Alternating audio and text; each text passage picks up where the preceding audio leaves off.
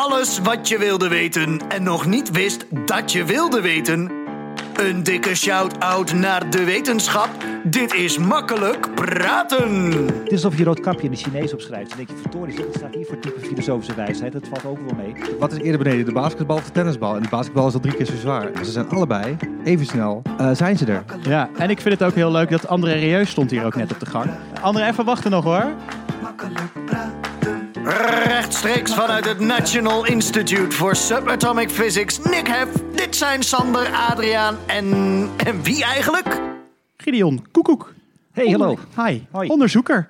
Eh, ja, aan het, aan het nikheft. Dat zei de jingle al, maar dat is ook echt zo, toch? Ja, dat klopt, ja. Eh, naar eh, zwarte gaten en zwaartekrachtsgolven. Over jouw eh, eh, onderzoek en waar je je allemaal mee bezighoudt en nog allerlei andere dingen gaan we het eh, deze aflevering hebben. Maar om te beginnen, welkom. Dankjewel. Ja, Welkom in Maastricht. Welkom in Maastricht. ja. Ja, rechtstreeks vanuit Nick in Maastricht. ja, Ja. ja. dat, ja dat, dat, dat is wel zo. Met, met, ehm, we Met gaan- Fly. We gaan zo direct heel veel gesmak horen, want ik was net aan het opbouwen. eh, maar had ik geen tijd om Fly te eten. Dus ik ga zo direct ongeveer een half uur van het interview laten Ja. doen, terwijl ik gewoon zit te smikkelen. Ja. En eh echt een Fly van, welke bakker ook alweer? Ja, ik weet niet of ik het mag zeggen. Dan krijg ik wel. met die andere bakkers in Maastricht, denk ik. doen we gewoon een piepje. Oké, dan gaan we eens even piepen zo meteen dan. Ja. Eh, de Bisschopsmolen. Dat- Bakkerij, graanpakkerij de Bisschopsmolen. Ja, Ah, sterker nog, en dat mag er best wel bij worden gezegd. Eerste 100% speldbakkerij van Nederland. Nou moet ik eerlijk zeggen, ik ben niet langs alle bakkers in Limburg, laat staan in Nederland geweest. Maar ik vond het wel een Ja. hele lekkere fly dit. Ja, dit was topfly. Dat was top Ja, fly. Goeie Fly, ja. Goeie fly. Dus misschien voor de luisteraars thuis. Ja. Ehm, ik heb inderdaad een, eh, een fly gekocht voor eh, onze gasten die helemaal uit het hoge noorden naar Maastricht gekomen zijn. Ehm, omdat ik denk van nou, er hoort natuurlijk wel de Limburg experience bij. En voor mij komt het niet, want mijn accent is niet uh, Maastrichts genoeg. Dus ik denk, Nee. ik moet er dan maar gebak bij halen. Ja. En eh, straks neem ik ze mee naar de Melgengrotten en eh, naar de Ja, Bonnefanten en ik vind het ook heel leuk dat André. Reus stond hier ook net op de gang. Ja. Dat klopt, Dat- ja. dat ja, ja, ja, die deelde de servetjes uit. Ja, dat klopt, ja. Dus dat, eh, dat is wel sympathiek van hem. Ja, André, even wachten nog hoor. André wil ook graag in de podcast. Ja, die man man is zo ongeduldig, joh. Hij, echt- mag de, hij mag de outro Hij speelt mag- tweede viool vandaag. Ehm, Gideon, even eh, zwarte gaten en zwaartekrachtsgolven in eh, Jip en Janneke taal. Wat Ja. doe je dan precies? Nou, ehm, In drie zinnen ook. Dus, dus we gaan er straks nog dieper op. in. Nee, ik begrijp Nee. het. Ehm, het is altijd lastig om dat in een paar zinnen te doen, want het, het effect is een heel diep effect over ruimte en tijd eh, zelf. De meest korte versie die ik geven kan is dat eh, Einstein eh, begin van de 20e eeuw erachter was gekomen dat de ruimte, echt het bestaan van meters, dat daar een bepaalde dynamiek in zit. Je kan meters korter en langer maken, niet omdat jij er zelf erheen beweegt, maar omdat de meters dat voor jou doen. Alsof het- uitgebreidheid, de ruimte, eh, een soort elasticiteit heeft. Mhm. Maar iets wat elastisch is, kun je of heel erg diep indrukken. Dan krijg je, als je diep genoeg indrukt, dan krijg je een soort gat in de ruimtetijd. Dat noem je dan een zwart gat. Eh, maar je kan het ook laten trillen. Want iets wat elastisch is, kun je een tik opgeven en dan wiebelt het. En dat, dan krijg je een zwaartekrachtsgolf. Oké, ik snap er nog steeds helemaal niks van. Het is een Maar, hele mooie eh, uitleg, vind ik wel. Een hele ja. andere manier van, want normaal zeggen ze dan, ja, je hebt massa en dat buigt dan de ruimtetijd. Bla, bla, bla. Maar ik heb het nog nooit op deze manier gehoord. Dat vind ik wel eh, echt een leuke, leuke teaser voor wat komen gaat. Ja, ik ben ook wel benieuwd wat- of, of ik het zo direct ook nog steeds ga begrijpen. Tuurlijk, ja, maar, het gaat erom, ja, maar jij bent een hele goede lakmoesproef wat dat betreft. Want ik eh, heb toevallig met Gideon ook op één kamer gezeten tijdens Ja. mijn masterscriptie. Nou. Dus ik weet enigszins waar het over gaat. Maar het is de bedoeling, als jij het begrijpt, dan kan de luisteraar denk ik ook begrijpen. Want Ja. ik schat jou alsnog een stuk lager in dan onze luisteraar. eh, Ja, ja. dat, nou ja, ik denk dat, dat, dat ook dat, dat, dat het niveau van de vragen dat is ingestuurd ook wel bewijst dat ik eh, eh, een stuk lager, eh, eh, ja, qua, ehm, in ieder geval dit, het- qua beta-onderwerpen, qua kennis zit dan de gemiddelde luisteraar. Nou, ik, durf niet tussen jullie interne politiek te begeven natuurlijk. Moet je maar, altijd doen. eh, Ja, zoals je ziet, kijk, Sander draait aan de knoppen en zorgt dat alles goed wordt opgenomen. En ik ben er voor de inhoud. Oh, nou, wat duidelijk, ja. en, en, en wie is er voor het plaatje? Daarom is de podcast. dat jij. Oh, dat ben ik. Oké. Nee, wij hebben gezicht voor de podcast. Wij, ja, precies. Oké. Nee, maar zonder gekheid. Ehm eh, wat ik net zei, is inderdaad een beetje de drie zinnen versie. Maar om er echt recht aan te doen, ja, moeten we echt even wat langer gaan, eh, gaan Ja, zitten. Sommige gaan we nu effecten zijn echt, zijn echt gewoon wat dat betreft vrij ingewikkeld, maar wel heel interessant. Ja, dat gaan we doen. Een vraag, een antwoord en hup de diepte in.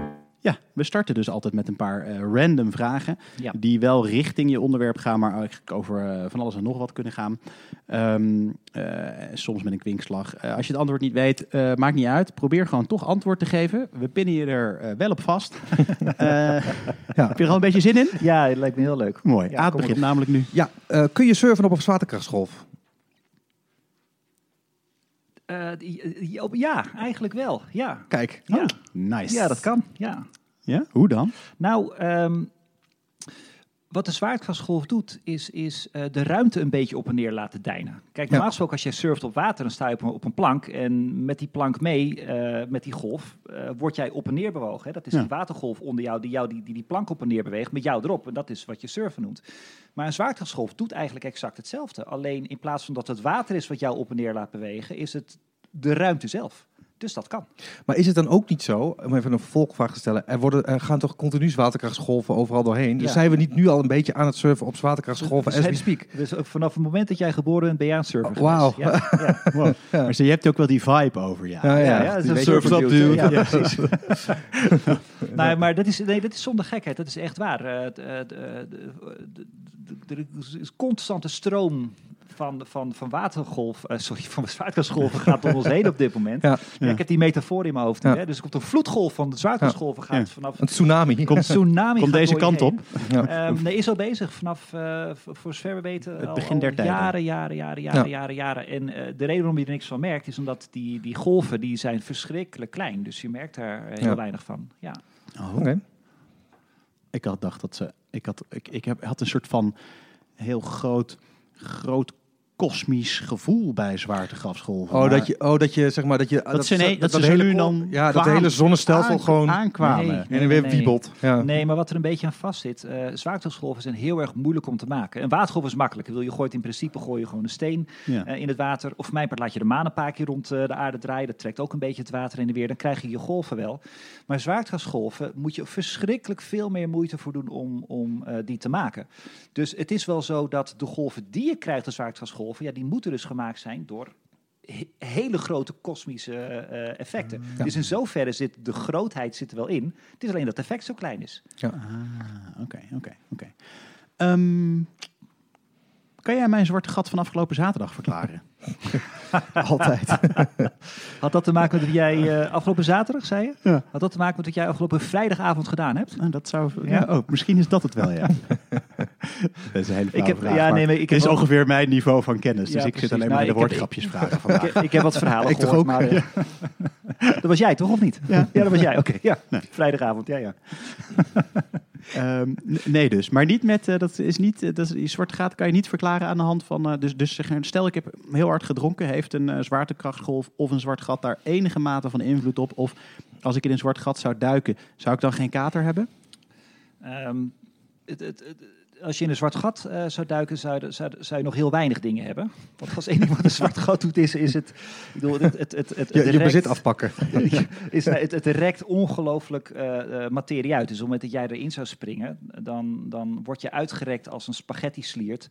Ja, dan heb je vermoedelijk niet zoveel last meer van je kater, dat klopt. Maar Nou, antwoord eh, op Ja. mijn vraag in ieder geval. Ehm, licht is zowel een deeltje als een golf. Dan hebben we ook zwaartekrachtsgolven, maar hebben we dan ook zwaartekrachtsdeeltjes. eh, En is die dualiteit een beetje hetzelfde, vergelijkbaar met licht. En daarbij, licht is het tegenovergestelde van zwaar. Is daar nog iets aan mee te doen? Vijf vragen en één. Ja, Ja, Dankjewel. eh, ja, de snelheid van het licht. Die eigenlijk vraagt nu, de- wat is de snelheid van het zwaar? Dat is Ja, ja je precies. Nou, dat, Ja, dat is eigenlijk eh, de... Nou, laten we daarmee beginnen. Uh, zwaartekrachtsgolven die gaan met dezelfde snelheid als Ja. het licht. Dat weten we niet alleen vanuit de theorieën van Einstein. We kunnen het zelfs meten door die zwaartekrachtsgolven die we nu uit het heelal kunnen Ja. ontvangen. En eh, zover alle metingen laten zien is dat, dat eh, de snelheid van het licht, dus hoe snel licht door de ruimte heen gaat en de snelheid waarmee zwaartekrachtsgolven door de ruimte heen gaan, dat het eh, voor alle metingen compleet hetzelfde getalletje is.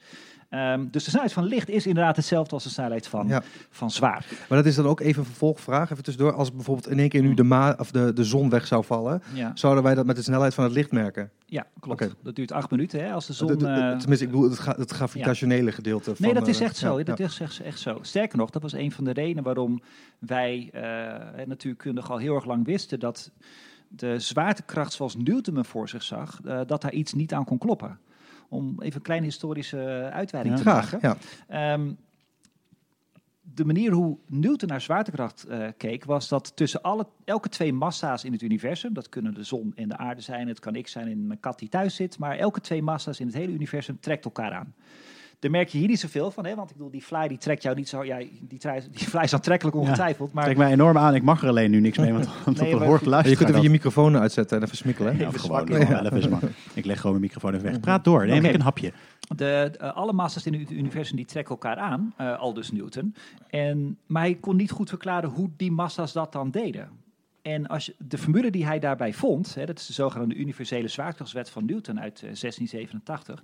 Die formule die zegt, eh, om eh, aan te knopen bij jouw eh, situatie, dat als de zon zou verdwijnen, dat de aarde dat meteen zou weten. Ja. Instantaan. Precies, ja. Ehm, en daar klopt iets niet, want wij weten dat informatie in de natuur niet sneller mag gaan dan het licht. Hè, die 300.000 kilometer per seconde. Nou, de aarde. Maar dat wist Newton nog niet, toch? Eh, nee, dat wist Newton inderdaad niet, maar hij wist wel dat daar iets geks aan de hand Ja. was. Hij wist inderdaad van ja, maar eh, de, de, zon en de aarde staan ver uit elkaar. Hè. Dat is zo'n, eh, god is het, eh, 150 miljoen kilometer uit elkaar. Ehm, dus iets moet die aarde vertellen dat die zon niet meer bestaat. En dan zou hij niet geweten hebben wat het was, maar hij wist wel dat het niet in één keer zou kunnen gebeuren. Dus er moet iets van de zon naar de aarde gereisd om te zeggen, ik ben er niet meer. Hè. De zon verdwijnt. Die aarde moet dat, heeft tijd nodig om erachter te komen. Dat heeft Ja. reistijd nodig. Ja. En ehm, Newton wist niet wat dat was. Ja. En Einstein die dacht bij zichzelf, nou ja, daar klopt er gewoon dus iets niet. En zijn theorie van zwaartekracht heeft dat, heeft dat opgelost. Ja. Ja, maar e- even in, voor mijn eigen begrip. Ja.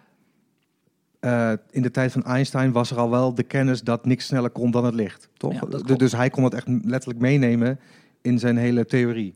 Eh, dat klopt. Ja. Ja, ja, dat klopt. Dus om jouw situatie er even bij te pakken, als de zon nu zou verdwijnen, Ja. dan duurt het pas acht minuten voordat wij het Ja. daadwerkelijk zien. Want het licht heeft acht minuten nodig om van de zon eh, naar ons toe Ja. te reizen. Dus we zien pas acht minuten later dat de zon verdwenen zou En zijn. dan kunnen we er niks meer aan doen. Nee, daar kun je er ook niks van aan doen, inderdaad. Het enige waar je achter komt is nu, acht minuten geleden, is de zon verdwenen. Ja. Maar op dezelfde manier, zwaartekracht eh, heeft ook diezelfde acht minuten nodig om op aarde aan te komen. Dus dat is wel grappig. Als de zon nu zou ontploffen, bij van spreken, dan zou het niet alleen acht minuten duren voordat wij het doorhebben Ja. dat die ontploft is. De aarde zou ook nog even acht minuten lang door blijven draaien alsof de zon er geweest was. Ja. Ja, dat, is, dat is echt eh, altijd heel apart. hè? En wat gebeurt er daarna dan? Ja, als de zon ontploft is, dan... eh, Dan mag even los van, los van het feit dat we dan allemaal geen warmte meer hebben en zo. Wat Ja. gebeurt er dan? Dus hij is weg opeens, hij ontploft. En, en, en, Ja. en ook, ook, heel Maar als hij deze- ontploft, dan wordt de aarde Ja, weggevaagd. ja, als, precies. als hij gewoon in één keer, als hij in één keer verdwijnt. Gewoon, Ja, stel ja, dus... Ja. Nou ja, kijk, als hij in één keer kijk, als hij zou ontploffen op, op, op zijn natuurlijke beloop, ja, dan is de, wordt de aarde gewoon weggevaagd. Maar als we net even doen alsof het een toverstafje is en die, die plopt gewoon de zon Ja. eh, weg, hè, dan doen we net alsof het, allemaal, alsof het allemaal zou mogen van de natuurkunde. Dat mag niet, maar stel je voor dat. Ja. Ehm, ja, dan zou de aarde zou dat pas acht minuten later achterkomen, acht minuten laten zien. Maar de aarde zou in zijn beweging nog acht minuten bewegen alsof de zon er geweest was. Mhm. En daarna gewoon in een rechte lijn door Exact. eh, bewegen door de ruimte heen. Exact, want... eh, Totdat hij een andere zon tegenkomt. Ja. Ja, dat duurt dan nog wel even. Kan ik je beloven. Die, die liggen ver weg. Maar inderdaad, op het moment dat er niks meer aan die zon zou trekken, ja, op dat moment zegt eh, een beroemde natuurwet, die zegt van ja, dan gaat hij in de rechte lijn door. Dus na die acht minuten nadat de zon ontploft is, dan weet opeens de aarde, hé, hey, er is geen zon meer. Er is er niks meer wat hem in een rondje probeert te draaien. En dan gaat hij op dat moment gaat hij in de rechte lijn door. Ja. En dan moet je heel lang wachten. En op een gegeven moment komt hij wel weer een andere zon tegen. Maar Ja. ja, ja Nou, dat is tegen wel die heel tijd zijn we al eh, Ja. doodgevroren. Ja. Ja, maar ook, ook gewoon van ouderdom gestorven. Ik bedoel, eh, de dichtstbijzijnde, ja, nee, de dichtstbijzijnde ster is 4,3 lichtjaar hier vandaan. Eh, en de- de andere sterren die zijn 10, 100, 1000 lichtjaar hier vandaan. Dus dat betekent dat je letterlijk 10.000, 100.000 miljoenen jaren nodig hebt voordat je de volgende ster tegenkomt. Dus Echt? ik denk, ja, echt waar. Dus ik denk dat doodvriezen eh, het laatste van je probleem is. Ehm, oh ja, ik heb ook nog een vraag. Heeft eh, Tiger Woods last van zwaartekrachtgolven? Ja, jij bent ja, het woord. het- heeft hij dat gezegd? Is dat de reden waarom hij een toernooi verloren heeft misschien? Of zo? Ja, maar jongens, er kwam net een zwaartekrachtgolf voorbij. Eh, nee, last hetzelfde- van hebben? Nee, Nee. hetzelfde antwoord eh, als Ja. er straks zwaartekrachtsgolven. Dat effect is zo verschrikkelijk klein. eh daar merk je in de praktijk helemaal geen klap van.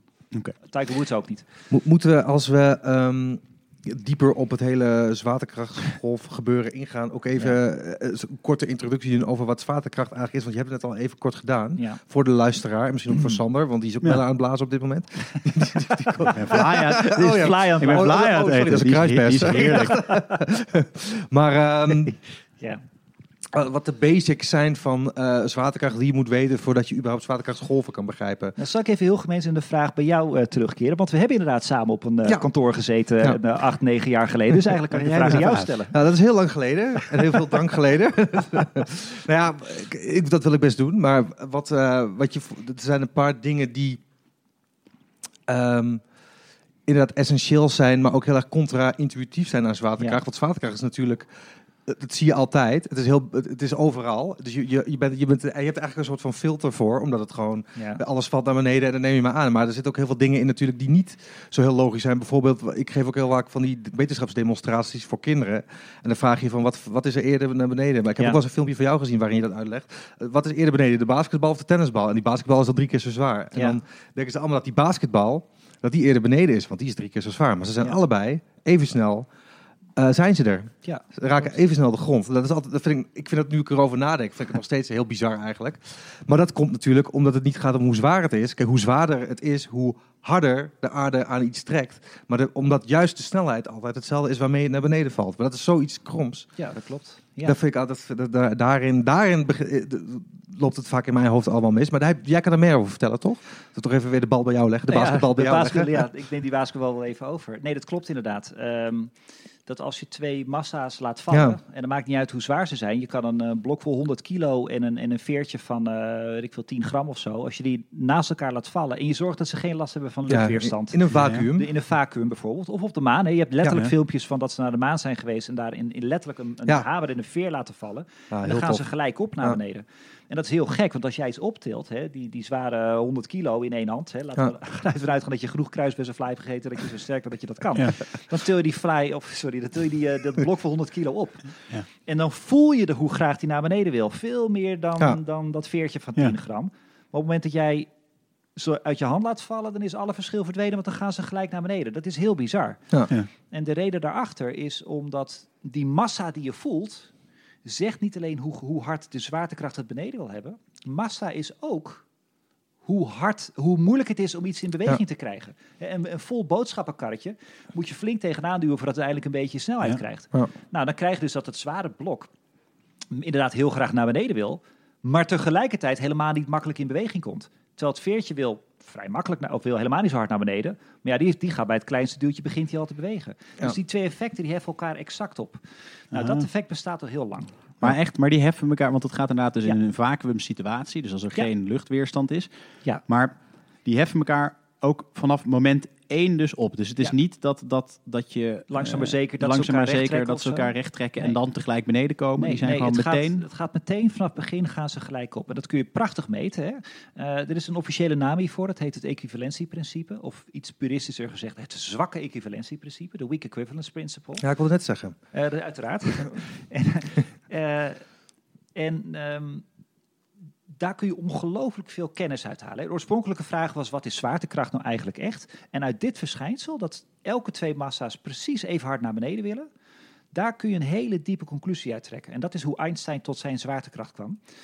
Dat betekent namelijk dat het vallen van dingen, hoe dingen door zwaartekracht vallen, is blijkbaar compleet onafhankelijk van welk voorwerp je laat vallen. Ja, want dat veertje en, en, en, en dat blok voor 100 kilo vallen exact hetzelfde. Mhm. Dus blijkbaar is vallen is niet een eigenschap van de dingen die, die daadwerkelijk vallen. Het moet een eigenschap zijn van iets anders. Ja. Ik bedoel, als het aan het voorwerp vast zou hangen, dan zou elk voorwerp op een andere manier vallen. Dat doen ze niet. Dat is dat equivalentieprincipe. Dus Einstein, ik, ik doe even zeven mijls laars, hè, want er zit Ja. natuurlijk veel meer tussen nog. Maar eh, Einsteins diepe inzicht was, maar misschien is dat dan een eigenschap van de ruimte zelf. Niet het ding dat valt bepaalt hoe ze vallen. Het is de ruimte waardoorheen ze vallen Ja. wat het doet. Ja. En dan snap je in één keer waarom een, een zwaar blok op dezelfde manier valt als een veertje. Want het is die ruimte die ze samen delen, die ze, eh, eh, eh, Die naar, ze beneden, naar beneden trekt. die ze naar beneden trekt. Maar ook nog niet eens in, het, in de context van de aarde dan, toch? Gewoon meer Nee, in de algemeen. context van alles. Alles. Ja. Alles, alles wat, wat, wat, wat, wat er is en wat, wat een bepaalde mate van massa of energie heeft, volgens Einstein's theorie, die beïnvloedt de ruimte om zich heen op zo'n manier dat andere massa's, hè, die, die, die, die, die, die blokken en die veren en die kruiswessenvlijen en zo, allemaal op dezelfde manier er naartoe worden getrokken. En de, de manier waarop Einstein dat zag was, was door de ruimte te zien als een soort elastisch materiaal waar je deuken in kan maken. Mhm. Nou, en dat eigenlijk is dat een hele mooie manier om naar te kijken. Want als ik daadwerkelijk een, nou ja, eh, noem maar eens een matras of zo, dat is een elastisch materiaal. En als ik daar een zware bowlingbal in neerleg, dan komt er een deuk in. En dan maakt het daarna niet meer uit of ik nou een zware of een lichte knikker door die deuk laat bewegen. Ze bewegen exact hetzelfde, want hoe ze bewegen is niet meer afhankelijk van de knikker. Het is afhankelijk van de deuk waardoor ze heen bewegen. Mhm. Ja. Dus volgens Einstein is eh, zwaartekracht, is, ja, nou komt het dure woord, is een kromming van de ruimte. Oké. En eh, wat je zei net ook al, in de theorie van Newton zat een fout, namelijk dat de hele snelheid van het licht, maar ook Ja. dat de stand van, uit mijn hoofd, Mercurius was dat toch? Ja, dat klopt, Eh, ja. eh, nou ja, Ja. misschien jij het beter kan vertellen, maar dat, dat sluit ook heel erg aan, aan bij wat je net zegt. Ja, dat klopt. Ehm, een van de dingen die we net al even bespraken was dat volgens de zwaartekracht van Newton ehm, zijn zwaartekrachtseffecten, en dan komt weer zo'n duur woord, instantaan. Eh, twee objecten, hoe ver ook uit, het, uit elkaar weggelegen, zoals de, de aarde en, en de zon, die voelen elkaar zwaartekracht meteen op hetzelfde moment. Mhm. En dat mag dus niet, want niks mag sneller gaan dan het licht. Eh, waaronder ook dus de informatie van eh, elkaars aanwezigheid van de zon en de aarde. Dus daar zat al een fout. Maar een tweede fout inderdaad had met Mercurius te maken. Dat vanaf oudsher hebben mensen al gekeken hoe Mercurius draait rond de zon. En je kan voorspellen met de wetten van Newton hoe die had moeten draaien. En daar zat een heel klein miniem verschil in. Het verschil is verschrikkelijk klein. Maar volgens de, de, de, de, metingen draait Mercurius ietsjes sneller rond de zon dan de wetten van Newton zeggen dat hij had moeten bewegen. Nogmaals, het getalletje is heel erg klein. Je moet een eeuw wachten voordat je een kleine fractie van een graad... Hè, pak, ja, nee, echt letterlijk. Ik bedoel, pak je geodriehoek Ja. en kijk het verschil tussen twee punten. Hè, ne- 89 en 90 graden is een heel klein hoekje tussen. Nou, daar een fractie van. Je moet een eeuw wachten en dan zie je dat stukje, zie je, zie je Mercurius sneller bewegen dan dat hij volgens Newton had gemogen. En eh, toen Einstein zijn theorie rond had, waarin hij zei, ja, maar zwaartekracht is een kromming van de ruimte. Er zit een deuk in de ruimte door de zon en dat bepaalt hoe Mercurius draait. Toen ging hij uitrekenen hoe snel Mercurius dan zou moeten draaien. En dan kreeg hij exact dat getalletje eruit wat er tekort kwam in Newtons theorie. Ja, En en, dat kwam toch ook omdat de, het licht door de zon zelf een beetje werd eh, af, afgebogen als het naar ons kwam. nee, dat is een iets ander effect. Dat komt door diezelfde buiging. Ja, Eh, maar dat, dat, is niet, dat was niet de verklaring Oké, van. Mercurius. Ze hebben, ze hebben de, de- dat die afwijking van het licht door de zon ja. En de, het snelle draaien van Mercurius hebben dezelfde oorzaak, namelijk kromming van de ja. ruimte. Maar eh, verder hebben ze niet zoveel met elkaar te maken. Maar Newton had dit wel ook al, die had het al gemeten. Die, of die had al naar Mercurius gekeken, Ja. zelf, en kwam toen tot de conclusie, omdat, ze, omdat hij al van honderden jaren wist wat de Mm. metingen waren. Oh, hmm, er zit iets, iets niet helemaal, klopt niet, mijn theorie is nog niet ik- volmaakt. Ik weet niet of Newton zelf op de hoogte was van dat kleine verschilletje. Wat Newton wel wist, is hoe de planeten bewogen. Mhm. Eh, eh, een voorganger, eh, een, een waarnemend astronoom genaamd Johannes Kepler en Tycho Brahe, twee eh, lieden, die hadden verzameld hoe de planeten bewegen langs de hemel. En Kepler die had daar een, een, ja, een bepaalde wetmatigheid in ontdekt. Dat noemen wij de drie wetten van Kepler. Hoe de planeten bewegen, puur op basis van hoe het de afgelopen 20, 30, 40 jaar gezien was. En het was Newton die die metingen gebruikte om dan uit te rekenen hoe dan de formule voor zwaartekracht eruit zou moeten zien. Oké. Dus Newton wist wel van, nou ja, zo bewegen de planeten. Want dat hebben mijn voorgangers, Kepler en Brahe, hebben dat, eh, hebben dat al gemeten voor mij. En op basis daarvan vond hij zijn formule. Ik weet niet of Newton zelf al wist van dat Mercurius niet helemaal klopt... of dat het later nog eh, ontdekt was. ja, dat weet- zou ik ook zo niet weten. Maar Nee. dat, eh, Wikipedia. dat, dat, dat vergeven onze luisteraars denk ik wel. Ja, Ja, iedereen maar ik vergeef het Newton niet in ieder geval. Nee, dat was uh, dus, uh, lijsttrekker natuurlijk, ja. Oké, en hoe komen we dan vanaf, vanaf dit, vanaf de Ja. informatie die we hier hebben naar eh, daadwerkelijk, eh, de Einstein voorspelde het, zei je het al, eh, naar, naar het, het verschijnsel zwaartekrachtsgolven, want dat, daar gaat het uiteindelijk Ja. natuurlijk om. ja. Dat is natuurlijk alsnog een gigantische stap, maar eh, we Ja, moeten toch eh, de, de, luisteraar een beetje Nee, dat klopt. Uh, misschien is het leuk om weer even, in, wat dat betreft, even in een historische context uh, te plaatsen. Toen Einstein zijn theorie van zwaartekracht had, hè, dus dat zwaartekracht kromming is van de ruimte zelf, Mhm. um, dat publiceerde hij in de winter van uh, 1915-1916. En in zijn laatste stukje van zijn serie artikelen erover had hij inderdaad deze Mercurius-berekening had hij laten zien. Hij zei van, nou, eh, volgens mijn berekening eh, zou Mercurius zo moeten draaien. En dat klopt, dus ik denk dat ik het bij het goede eind heb. Ja. Heel kort daarna zei Einstein, ja maar wacht eens eventjes, als de ruimte toestaat dat je er een, een, een kromming in maakt, een deuk in maakt, nou ja, dan kun je de ruimte eigenlijk dus zien als een soort, eh, ja, ik noem net al even een matras, maar iets als iets elastisch. Je, Ja. bedoel, je kan er een deuk in maken. Maar ja, eh, waar, als je ergens een deuk in kan maken omdat het elastisch is, dan kun je er ook een trilling in maken. Mhm. Ja? Ik bedoel, het enige wat je hoeft te doen als jij je matras wil laten trillen, is dat je er een, eh, een, een bowlingbal op gooit en een paar keer op en neer laat stuiteren. Ja. Dan gaat je matras, die trilt wel mee. Eh, een andere vergelijking die je vaak hoort, we zeiden net al een beetje gekscherend eh, watergolven, maar Ja. wat dat betreft lijkt het er wel een beetje op. Ehm, als jij een steen in, in een vijver gooit, eh, nou op de plek waar die steen geland is, dan komen er ook allemaal golven die Ja. in mooie cirkels daar naar buiten bewegen. Nou, dat kan omdat water een bepaalde elastische eigenschap heeft. Hè. Je kan water kun je een beetje heen en weer trekken, een beetje indeuken, een beetje opbollen, et Mhm. cetera. Ja. Nou, dat kan ook met de ruimte. Dat is Einsteins grote eh, eh, ontdekking. Dus toen Einstein wist van ja, maar mijn theorie over de, het kunnen krommen van de ruimte klopt, want kijk maar naar Mercurius, dat kwam er zo mooi uit bij mij. Toen zei hij van nou, dan moet dit andere effect ook wel waar zijn. En zo kan hij op zijn voorspelling van zwaartekrachtsgolven. Oké. Ja, precies. Ja. En dat, maar dat, dat kon hij ook, eh wat jij legt het nu uit op een kwalitatieve manier, zoals Ja. het mooi heet. Maar hij kon het ook daadwerkelijk met volume, eh, volumes, Ja, met formules, in, in formules uitdrukken. Ja, ja, uiteraard. Ja, dat klopt. Ehm, en daar had hij iets voor nodig en dat heet uh, Ja, differentiaalgeometrie. maar dat- dat, wordt allemaal heel ingewikkeld Maar dat is, wel, dat is wel tof natuurlijk. En dat je dan een, een eeuw later, eigenlijk gewoon een volle eeuw later, worden ze pas eh, gedetecteerd. Ja, exact. En het leuke was dat Einstein zelf, die dacht van ja, dit effect bestaat wel, maar het is eh zo'n verschrikkelijk klein effect, dat gaat nooit iemand meten. Gewoon te, ik bedoel, het bestaat, maar het is te klein om, om ooit de technologie voor te hebben om te, om, om te meten. Nou, dat hij geen gelijk in. We zijn inderdaad 100 jaar verder en bijna op de kop af 100 jaar verder werd de eerste zwaartekrachtsgolf Ja. werd er, eh, werd er gemeten. En hoe werd dat gemeten en door wie? Ehm, het werd gemeten door de, de, de LIGO Collaboration. En, en LIGO, dat is een, eh, een Amerikaanse eh, samenwerking van heel veel wetenschappers. En die hebben, ze heel lang verhaal, wat ik even heel kort zeg natuurlijk, maar die hebben eh, twee zwaartekrachtsgolfdetectoren gebouwd. Mhm. aan weerszijden van de Verenigde Staten. Eentje bij Louisiana en eentje bij, bij Seattle. Washington State, helemaal bovenin. Hanford.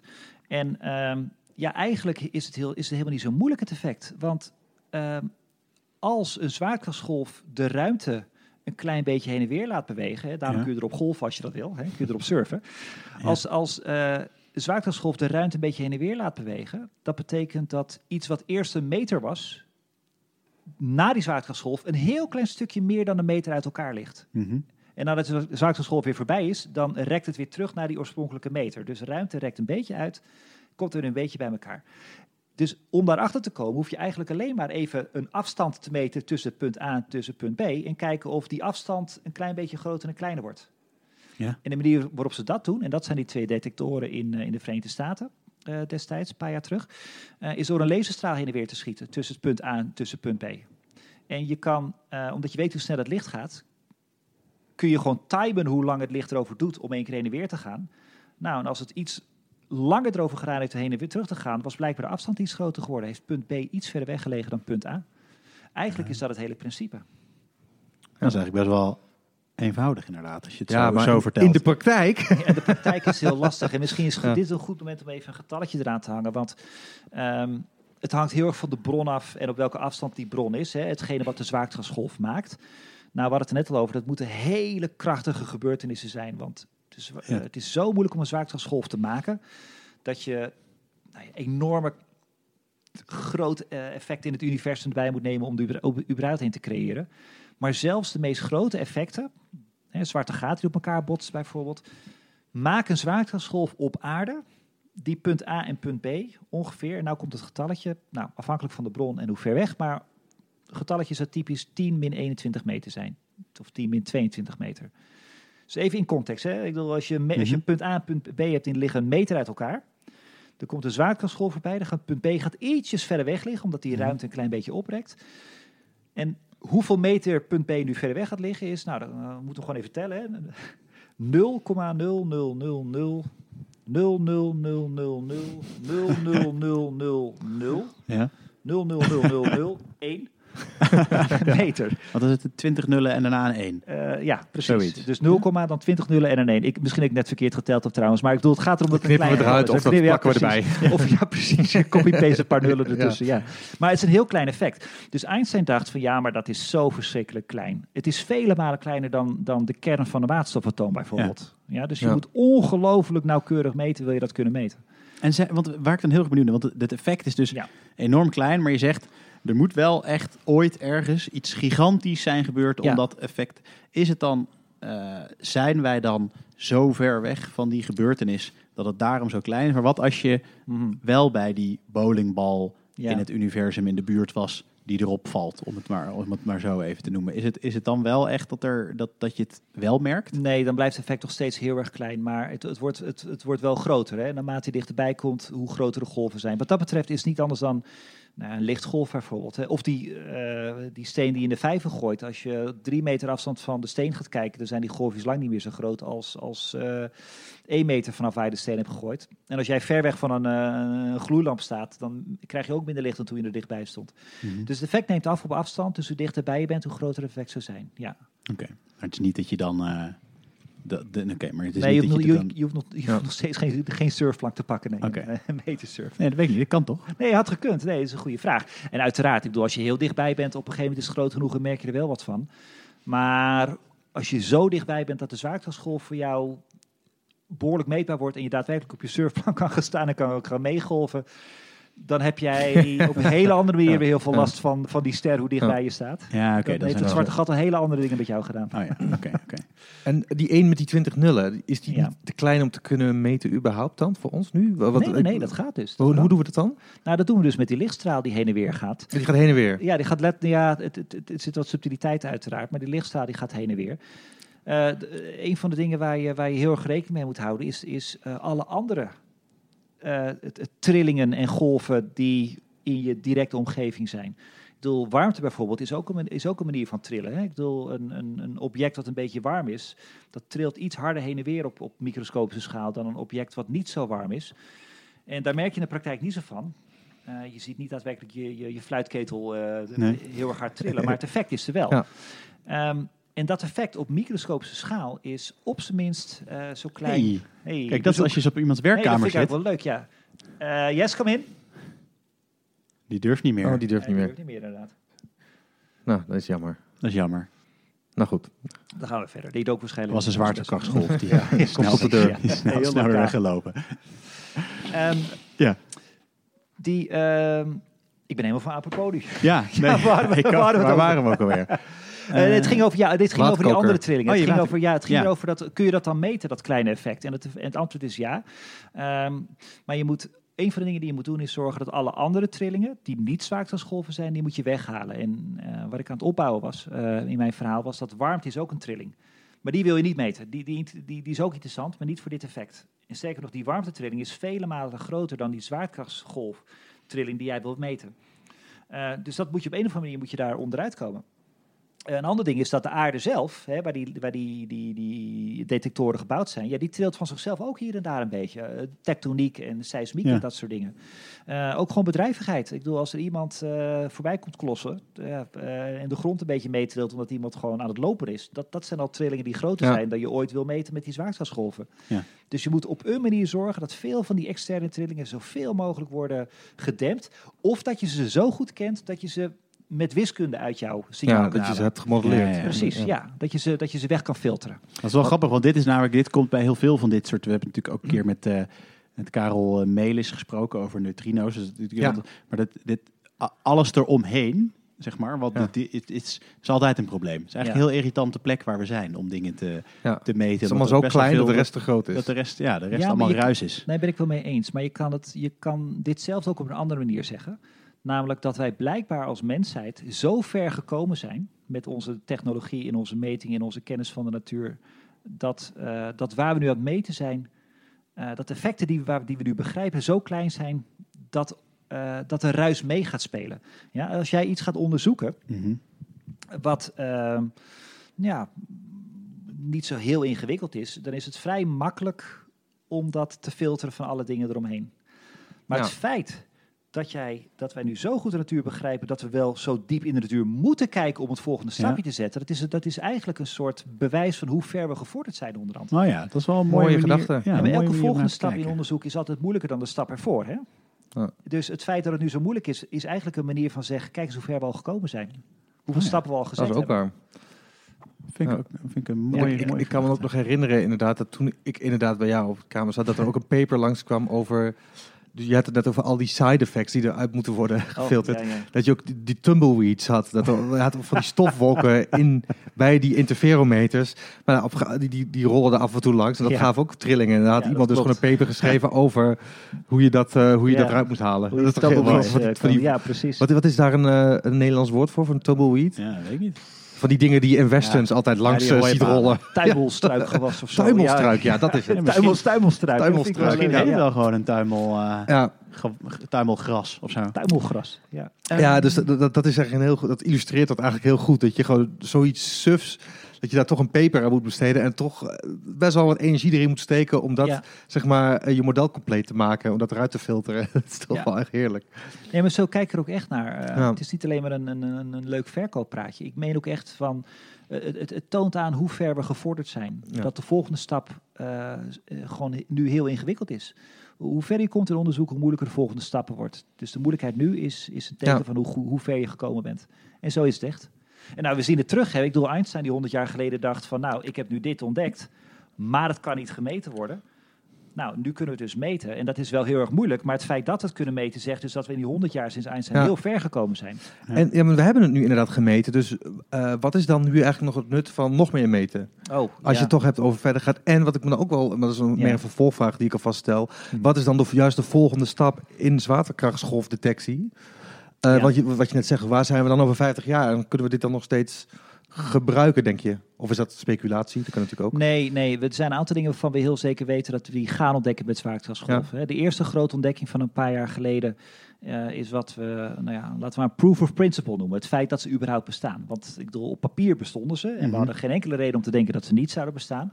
Maar om te zien dat ze echt bestaan, dan heb je echt wat bewezen. En dan weet je dus dat Einstein zijn theorie van zwaartekracht, dat die toch echt, echt, echt heel erg goed moet zijn. Dus eh, een proof of principle was van, zie je wel, ze bestaan echt en Einsteins theorie klopt echt. Maar ja, we zijn nu in de fase gekomen dat we niet meer geïnteresseerd zijn in van, nou bestaan ze wel of niet, dat weten we nu. Maar wat kun je dan over het universum leren? Ja, daar kun je heel blik over opentrekken, maar eh, laat ik een paar korte dingen zeggen. En een paar eigenschappen van die zwaartekrachtsgolven zijn dat ehm zwaartekrachtsgolven worden uitgezonden in principe door alles met massa wat bepaalde eh, beweging heeft. Mhm. Ja. Maar ook door dingen die überhaupt geen licht uitzenden. Dus als je iets in het universum hebt wat gewoon van nature geen licht uitzendt, bijvoorbeeld zwarte gaten, dan is er geen enkele manier om met een normale telescoop, een lichttelescoop die licht vangt, eh, om dat effect te kunnen zien. Je kan er een beetje omheen werken door te kijken wat het met zijn omgeving doet. Daar kun je naar kijken. Ja. Maar de objecten zelf kun je niet zien, want die zenden geen licht uit. Maar als je een object hebt wat wel degelijk zwaartekrachtsgolven uitzendt, dat Ja. betekent dat je in één keer letterlijk veel meer kan, kan zien, kan opvangen. Dat is één.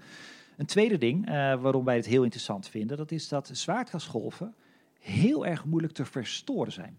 Ik bedoel, licht kun je makkelijk verstoren. Als ik hier een lichtstraal door, eh, door deze kamer doe en ik heb ook een rookbom laten afgaan of zo, dan komt het licht aan de andere kant komt er al anders uit dan dat het erin ging. Gezellige boel. Ja, ik doe niet anders. Ik doe niet. Ik doe, ik doe- ik doe Heel klein kamertje. Ehm, licht laat zich heel makkelijk eh, eh, verstoren, vervuilen door wat het onderweg tegenkomt. Dus als jij iets uit het universum opvangt met jouw normale lichttelescopen, ja. dan moet je wel even goed ervan bewust zijn dat wat jij ziet misschien niet is hoe het uitgezonden is. Want onderweg heeft het allemaal effecten opgepikt die niet met de bron te maken hebben, maar met wat die onderweg tegenkwam, hè, alle rookwolken. Ja. Hebben daar nauwelijks tot geen last van. Ja. Dus dat betekent als je een zwaartekrachtsgolf meet, dan meet je echt op de meest pure en schone en onvervuilde manier hoe het object er echt daadwerkelijk uitgezien heeft. En dat betekent dat we heel scherp de dingen kunnen kijken die daarvoor nooit gezien hadden kunnen worden. Of alleen met enorme verstoring in onze detector aangekomen was. En wat, en want wat betekent dat dan? eh, wat, betekent dat dan concreet? Wat, zouden, wat, wat, zouden, wat kunnen we dan scherper zien dan wat we nu zouden kunnen zien? Ja, heel veel dingen tegelijk. Ehm, ik, ik trek even een, een klein blikje open, hè, want er zijn heel veel antwoorden op deze vraag mogelijk. Maar één daarvan is daadwerkelijk die zwarte gaten zelf. Hè, die zenden geen licht uit, dus da- daar, daar valt niks aan te zien met je normale telescoop. Dus wij kunnen in één keer heel goed zien hoe zwaartekrachtsgolven, eh, eh, sorry, hoe eh, zwarte gaten, de- hoe ze bewogen hebben, waar ze aan voldoen. Dat is één. Ehm, een ander ding ehm, is, en dat vind ik zelf een van de meest interessante, ehm, is dat licht in het universum pas uitgezonden werd ongeveer 380.000 jaar eh, na de oerknal. Eh, waarom? Dat heeft met kwantummechanica te maken. Dus daar hoeven we niet per se op in te gaan. Maar het punt is dat toen eh, de Big Bang plaatsvond, de oerknal, heeft het ongeveer 400.000 jaar geduurd Ja. voordat licht zichtbaar werd. Er was wel licht, maar het zat opgesloten in materie. En na 400.000 jaar kwam het licht in één keer vrij. Maar dat betekent dus ook dat als jij gaat proberen te kijken naar het begin van het universum, Mhm. dan kun je nooit verder kijken dan die, dan die eerste 400.000 jaar. Want ja, er, er werd gewoon nog geen licht uitgezonden. Nee. Hoe ik het wel eens zeg is van, het is alsof je wacht op een, op een, op een briefkaart van je, zo'n ouderwetse aanzichtkaart van je, van, je, van je tante uit de Verenigde Staten. Ik bedoel, als zij het niet uitgezonden heeft, kun je lang wachten. En je kan zo groot mogelijke brievenbus maken dat je wil. Ja. Ja. Een nog nauwkeurigere brievenbus. Maar die brief komt gewoon niet aan. Ehm, en dat is de situatie met proberen te kijken naar het begin van het universum. Als je dat met licht probeert te doen. Er werd geen licht uitgezonden. Je gaat het dus ook gewoon niet zien. Zwaartekrachtsgolven werden wel uitgezonden in die periode. Oh. Dus dat betekent als je die golven zou kunnen opvangen. Hè, je vroeg van, nou, wat zou je allemaal kunnen zien Ja. wat je nu niet kan zien? Nou, eh, ontstaan van het universum bijvoorbeeld. Nou, wat cool. Nou, ik, ik weet niet wat, welke vraag er nog groter is in de wetenschap. nee. Letterlijk Nee. het, bestaan van, het ontstaan van het universum. ik weet wel een vraag die nog groter is. Nu scientist vraag. De nieuwsvraag. ja. Zo. Ik ben benieuwd. De vraag van New Scientist. Die Adriaan en Sander eigenlijk hadden moeten stellen, maar niet hebben gesteld. Omdat ze waarschijnlijk hun huiswerk weer eens niet gedaan hebben. ja. Ja, nou ja. De allergrootste Fiets hem er maar vraag. in. Fiets hem er maar in, De Sander. allergrootste vraag. Wil jij hem niet doen? Nee, ik wil hem eh, graag doen hoor. Er Ja. zijn, het, het liep best wel storm op, eh, op Facebook eh, Ja. bij, bij jou. Maar wij Dus hebben ook een, een Oh. ontzettend mooie foto van jou. eh, Ja. Ja, dat helpt. Die, zwembroek, die zwembroekfoto. ja. Dus de vraag is... eh, Wat zijn je hobby's? Maar degene die we uiteindelijk hebben genomineerd Ja. eh, tot, eh, tot, tot de vraag van, eh, van New Scientist. Ehm, en die dus er eh, vandoor gaat met de felbegeerde eh, en nog steeds te ontwikkelen makkelijk praten koffiebeker. Ehm, die, eh, die komt van Jacques Havenit, als ik dat goed uitspreek. Mhm. En die is, en die luidt, wat is het verschil tussen een zwaartekrachtgolf en een zwaartekrachtveldverandering? Ik heb het gevoel dat we dit al een beetje hebben eh, behandeld. Ook. Nee, Dat maar het is wel een goede vraag. Ja, Ehm, zeker. Kijk, een, een zwaartekrachtsgolf is inderdaad een, een, een speciaal geval van de zwaartekrachtsveldverandering. Hè, Een zwaartekrachtsveldverandering betekent eigenlijk dat, dat eh, de mate waarin twee objecten elkaar aantrekken een klein beetje veranderd is. Nou, dat kun je in principe voor elkaar krijgen op het moment dat ik, ik zeg maar eens, ik, ik pak een toverstafje en, ik, en ik tover dat de aarde opeens twee keer zoveel massa heeft. Mhm. Nou, dat betekent dat eh, het zwaartekrachtsveld rond de aarde opeens eh, anders geworden is. Dat, is een, dat zou een zwaartekrachtsveldverandering zijn. Dat is nog geen zwaartekrachtsgolf. Een zwaartekrachtsgolf is een zwaartekrachtsverandering die iets meer doet dan alleen maar veranderen. Hij moet namelijk uitgezonden worden. Hij moet weggezonden worden door het universum. Oké. Ehm, dus er moet daadwerkelijk een golf uitkomen, een trilling die wegschiet. En om het even in iets technische termen eh, uit te drukken, voor de mensen die, eh, die eh, op een regenachtige zondagmiddag niks te doen hebben en willen gaan googlen misschien. Dat is op Nou, wel het zou 80% van onze ja, luisteraars. dat zou Dus, zomaar kunnen natuurlijk. Maar ehm, een zwaartekrachtsgolf ontstaat doordat massa's eh, een, een bepaalde versnelling hebben ten opzichte van elkaar. En het technische woord hiervoor is een, is een, is een quadrupol. En een quadrupol is een bepaalde manier waarop eh, dingen ten opzichte van elkaar bewegen. En Ik dacht dat het een soort bier was, toch? Je hebt, quadrupol. je hebt, dub, je hebt Oh, ja. dubbel, dubbel, trippel en, en Dit is en zo leuk. dat toch? het over zwarte gaten gaat, dan Quadrupol, ja, er zit vier keer Dat- zoveel eh, ja. alcohol in. Sander gaat altijd terug op zijn, op zijn eh, sluimerende alcoholisme. Het gaat echt een beetje problematisch worden. Het is ook een beetje een rode draad door het seizoen heen. Zeg maar, vol- vanaf volgend seizoen zit ik met iemand anders. zit jij in de kliniek. ja. Samen met... eh, nee, Precies, maar, we, we ja. zullen kaartjes sturen. Nee, ga door. Kruis Sorry.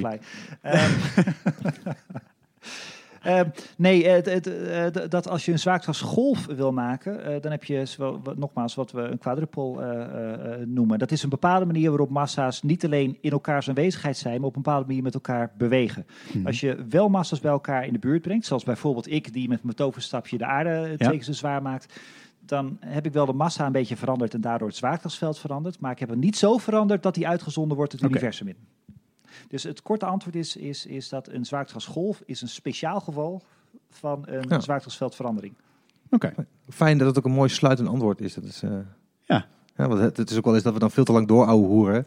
En dan willen we dat als soundbite ergens Ja, we op plaatsen. Maar dan duurt het alsnog een kwartier voordat die, voordat die vraag beantwoord is. Dan moeten we daar weer gaan knippen.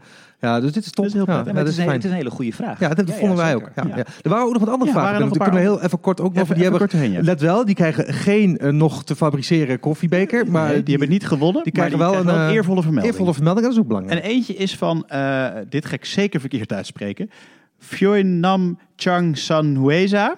Ja? En die vraagt zich af, kan je uit zwaartekracht energie halen? Hij Ja. zegt, Ja, sorry, oké, ik onderbreek. Maar ja, nee, anders, ja, ja, ja, nou, dat, kan. is eigenlijk zijn vraag. Ja, Hij zegt, kan. kan je er een soort van motor van maken, vraagt hij. Ja, eh, ik, ik, Echt, nee, ik, ik, ik, Heel fijn dat je hier ook zo diep over nadenkt. Ik hoor echt die hersenen kraken. echt, echt nice. Ehm, ik, ik houd het hier even bij. Je, Ja. je kan de deeltjes, je kan deeltjes uit, uit, uit eh, zwaartekrachtsgolf, of zwaartekracht, niet eens golf, maar zwaartekracht Ja. zelf draagt een bepaalde hoeveelheid energie met zich mee. Daar kun je deeltjes uithalen. Dus in Ja. zoverre kun je er energie uittrekken als je dat wil. Of je de energie handig kan inzetten, ja, ben, ik niet, ben ik niet van overtuigd. Ik had meer het idee dat hij echt bedoelde de, in, een, in een soort van meer werktuigbouwkundige manier de zwaartekracht omzetten in energie, zoals je ook inderdaad met windmolens doet. Maar dat zou dus betekenen dat als je bijvoorbeeld de bal laat vallen, dan komt er zwaartekracht, dan komt er energie vrij in de vorm van kinetische energie. Maar ja, als je die dan weer vervolgens terug wil stoppen dan in hoogte-energie, ja, dan verlies je energie. Dus anders zou je een perpetuum mobile hebben.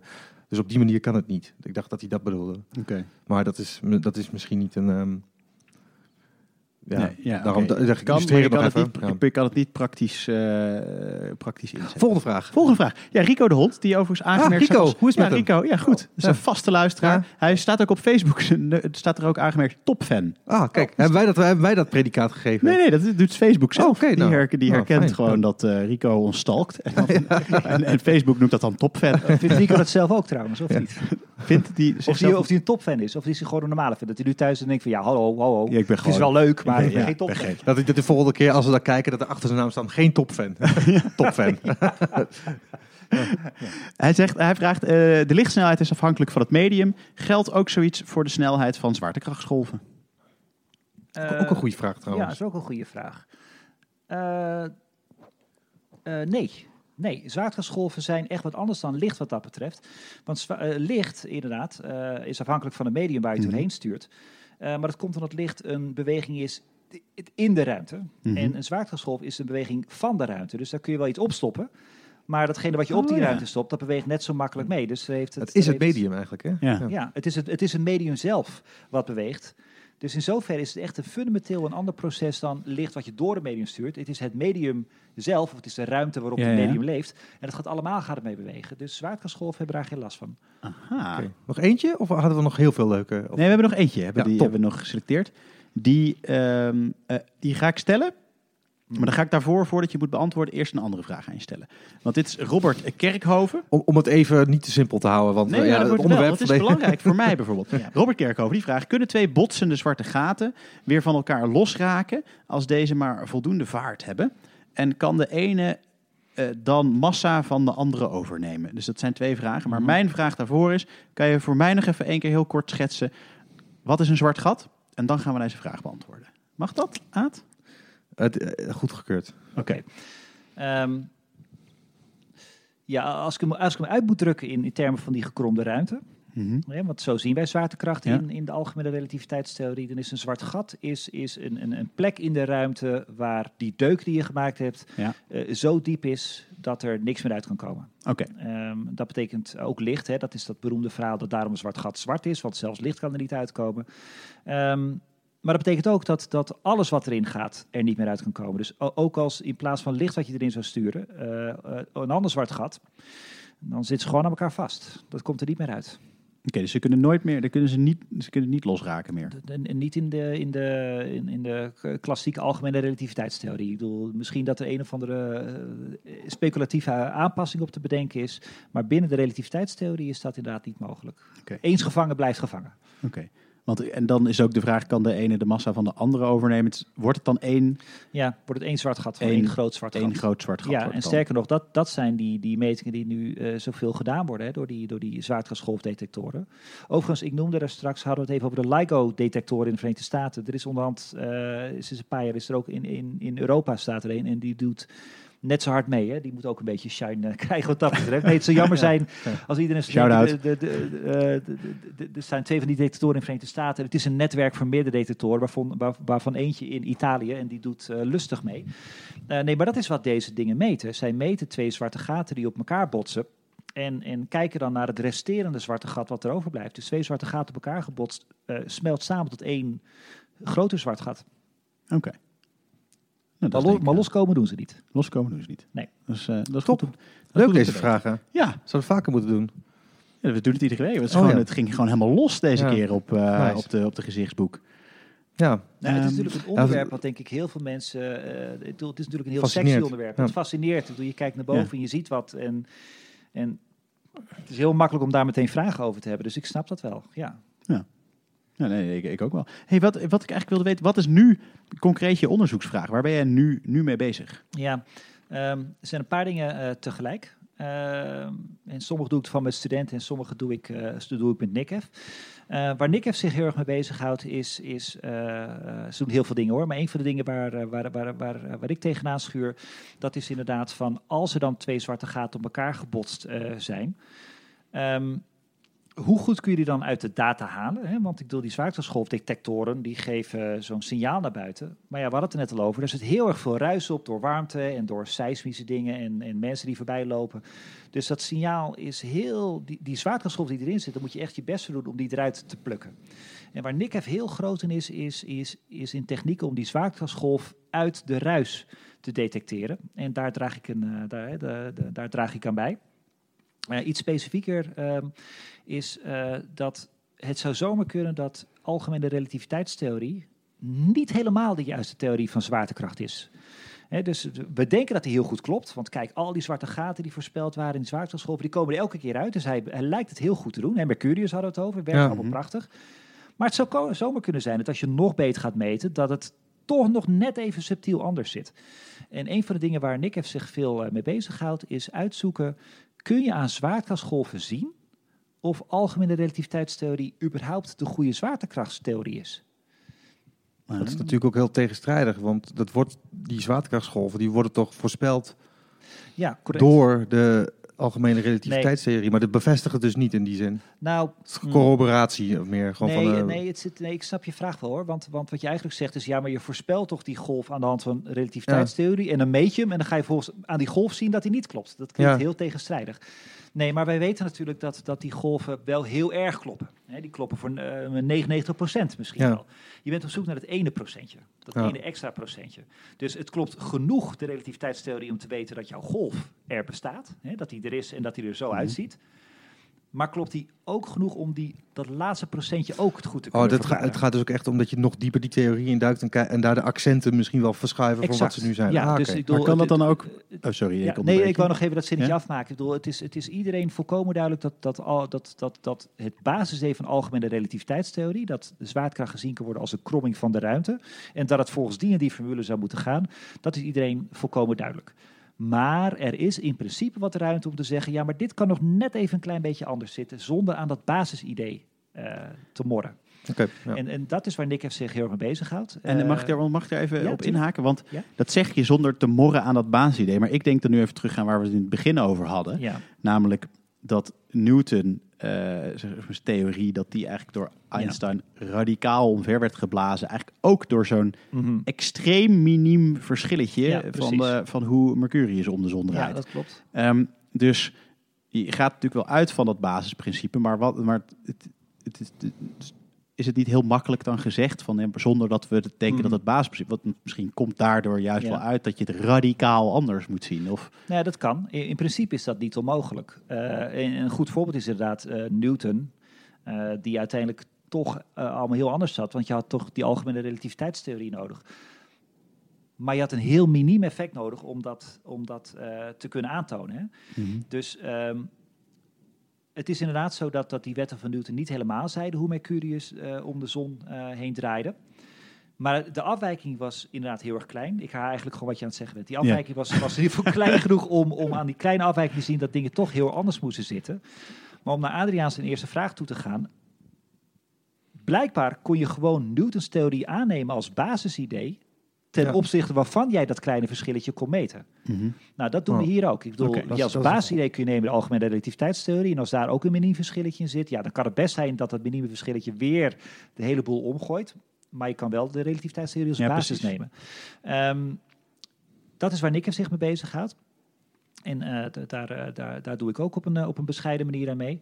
Ehm, ik, wat ik ook doe is, is, een, is, is wat, wat meer wat dat betreft theoretisch werk. Namelijk kijken, zijn er andere manieren om uit die data je zwaartekrachtsgolf te kunnen meten? Er zijn er andere wiskundige technieken voor mogelijk?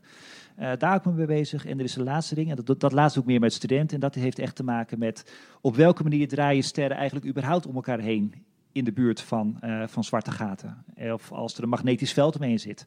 Hè, eh, hoe ziet dan die beweging eruit? Nou, die, die berekeningen zijn eh, interessant. Want dat zijn ook allemaal dingen die, die we nu kunnen meten. Maar ze zijn gelukkig ook nog behapbaar genoeg dat, dat we onze derdejaarsstudenten daar, daarop kunnen Oh ja. zetten. Oké. En die gaan dan, wat, wat, wat, hoe gaan die dan aan de slag? Ben ik dan wel benieuwd naar. Wat, wat Ja. doen ze dan met jou of voor jou? Nou, ik, eh, het, hangt natuurlijk precies, het hangt natuurlijk van het onderwerp af. Ehm, Maar in principe, eh, wat ze van mij krijgen is een, is een rekenmethode. Hè, zo van, zo zou je dit kunnen uitrekenen. Maar hier is een situatie waar we die rekenmethode nog- niet op geprobeerd hebben. En dan wordt het gewoon puur theoretisch werk. Dus dat betekent echt gewoon eh, zitten en, en een grote stapel papier wijze spreken, pen erop en, en, en, en, en gaan rekenen. Dan En- krijg je een beetje wat we hier op het eh, bord aan- hebben staan. ja. Nou, letterlijk ja, want eh, deel van deze berekeningen in het zwart. eh, We zien nu even voor de luisteraar, we zitten in- dus in het, in de, in de, in de, in de- hier in de kamer en daar hangt nou ja, een, een Ja. groot whiteboard met wat je verwacht dat bij een natuurkundige op een whiteboard getekend Moet zou er even zijn. een foto van maken zo. Ja. Eh, heel, veel, eh, ehm, ja, heel veel formules.